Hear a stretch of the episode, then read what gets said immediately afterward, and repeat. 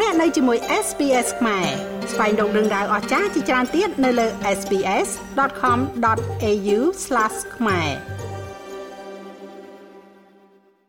កម្ពុជាបន្តទទួលបានជើងហោះហើរឡើងវិញពីរដ្ឋធានីប៉េកាំងមកកាន់រាជធានីភ្នំពេញកាលពីព្រឹកថ្ងៃទី7ខែកុម្ភៈនេះជាជើងហោះហើរត្រង់លើកដំបូងឡើងវិញដែលប្រតិបត្តិការហោះហើរដោយក្រុមហ៊ុនចិន Air China ការមកដល់របស់ភ្ញៀវទេសចរចិនលើកដំបូងតាមជើងហោះហើរពីទីក្រុងប៉េកាំងមកភ្នំពេញនេះក៏ត្រូវបានស្វាគមន៍យ៉ាងកក់ក្ដៅពីមន្ត្រីកម្ពុជាដឹកនាំដោយរដ្ឋមន្ត្រីក្រសួងទេសចរលោកថោងខុននៅពលានយន្តហោះអន្តរជាតិភ្នំពេញតាមច្រក VIP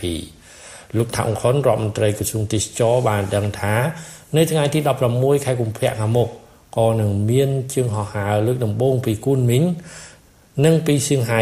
មកកាន់ខេត្តសៀមរាបរបស់ប្រទេសកម្ពុជា ដែលដឹកអ្នកទេសចរចិនមកជាមួយប្រតិបត្តិការដោយក្រុមហ៊ុន China Eastern លោកថោងខុនបញ្ជាក់ថាកម្ពុជាបានត្រៀមខ្លួនរួចរាល់ដើម្បីទទួលអ្នកទេសចរចិនបាទចំពោះយើងយើងស្វាគមន៍ព្រីរេជានិច្ចទទួលទេសចរតាមពិតទៅកម្ពុជាយើងតាំងពីថ្ងៃ18មីនាមកយើងទទួលទេសចរអន្តរជាតិអត់មានរបាំងសុខាភិបាលអីទេទេបាទអត់មានធ្វើធ្វើតេស្តអីទេទេ បាទអញ្ចឹងទេសចរចិនមកក៏យើងទទួលដូចគ្នាទោះបីប្រទេសមួយចំនួនគេមានលក្ខខណ្ឌចេះលក្ខខណ្ឌចុះប៉ុន្តែយើងអត់ទេបាទអញ្ចឹងខ្ញុំគិតថាលំហូរនៃទេសចរចិននៅឆ្នាំ2023នេះនឹងចិត្តច្រើនបាទព្រោះយើងដឹងថាទេសចរចិនចិនជាប្រទេសដែលមានប្រជាជនធំច្រើនហើយទេសចរចិនដើរខាងក្រៅ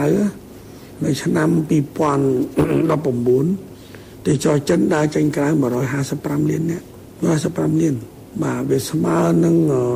ជាង10%នៃទេសចរសរុបផ្លូវស្គាល់លោករបស់ទេសចរសរុបស្គាល់លោក2019 1500លានអ្នកអញ្ចឹងទេសចរចិន155លានដែរបាទ155លានអ្នកបាទចំណូលដែលចិនយកទៅចាយ258ប៊ីលៀន258ប៊ីលៀនបាទពាន់លានណាតែយកទៅចាយហ្នឹងដែលចំណាយដោយសារទេសចរចិនចាយក្នុងពិភពលោកទាំងមូល ព្រោះពិភពលោកទាំងមូលទទួលបានពីចំណូលពីទេសចរហ្នឹង1.3 trillion ចំណូលដែលបានពីទេសចរចិននេះគឺច្រើនបាទបើមកអាស៊ានវិញចិនមកអាស៊ានឆ្នាំ2019 2019ចិនមកអាស៊ាន32លានចិនណាទេសចរចិនមក32លានក្រុមនោះថៃយកទេសចរចិនបានជាង10លានវៀតណាមបានជាង5លានអាម៉ាឡេស៊ីអាសិង្ហបុរីជាង3លានអា ម៉ាឡេស៊ីជាង3លានកម្ពុជាយើងយកបាន2លាន3សែនអ្នកដែរក៏នោះចំណាយទេសចរចិនណាដែលយកមកចាយនៅយើងនេះ បានប្រហែលជា1800លានដុល្លារលើចំណូលសរុប5000លានដែលយើងបាននិយាយមិញអញ្ចឹងទេសចរចិនរួមចំណាយទីផ្សារកម្ពុជានឹងជាង30%អញ្ចឹងគេឲ្យយើងរៀបចំធ្វើការត្រៀមទទួលទេសចរចិនហើយកម្ពុជាយើងបាន បានធ្វើការងារយ៉ាងសកម្ម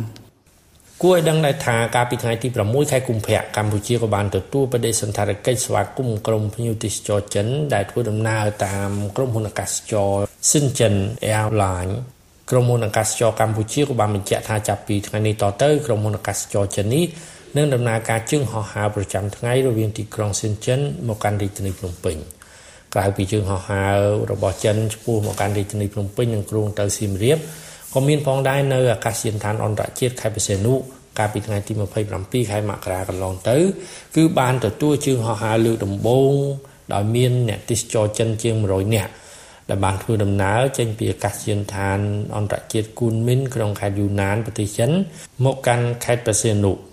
ក្នុងដំណើរចោះចតលើកដំបូងនោះភ្ញៀវទេសចរចិនត្រូវបានទទួលស្វាគមន៍ពីសំណាក់មន្ត្រីកម្ពុជាអមដោយរបាំឆាយ៉ាំបំពាក់ក្រមានិងជូនបាច់ផ្កាផងដែរ សូមបញ្ជាក់ថាក្នុងខែមករាឆ្នាំ2023នេះក្រសួងទេសចរបានប្រកាសថាកម្ពុជាទទួលបានភ្ញៀវទេសចរអន្តរជាតិប្រមាណ40ម៉ឺននាក់គឺកើនឡើងជិត800%បើប្រៀបធៀបទៅនឹងរយៈពេលដូចគ្នានៅឆ្នាំ2022ក្នុងនោះមានភ្ញៀវទេសចរចិនប្រមាណជា25000នាក់គឺជាមធ្យមមានភ្ញៀវទេសចរអន្តរជាតិចូលមកកម្ពុជាទាំងតាមផ្លូវអាកាសផ្លូវគោកនិងផ្លូវទឹក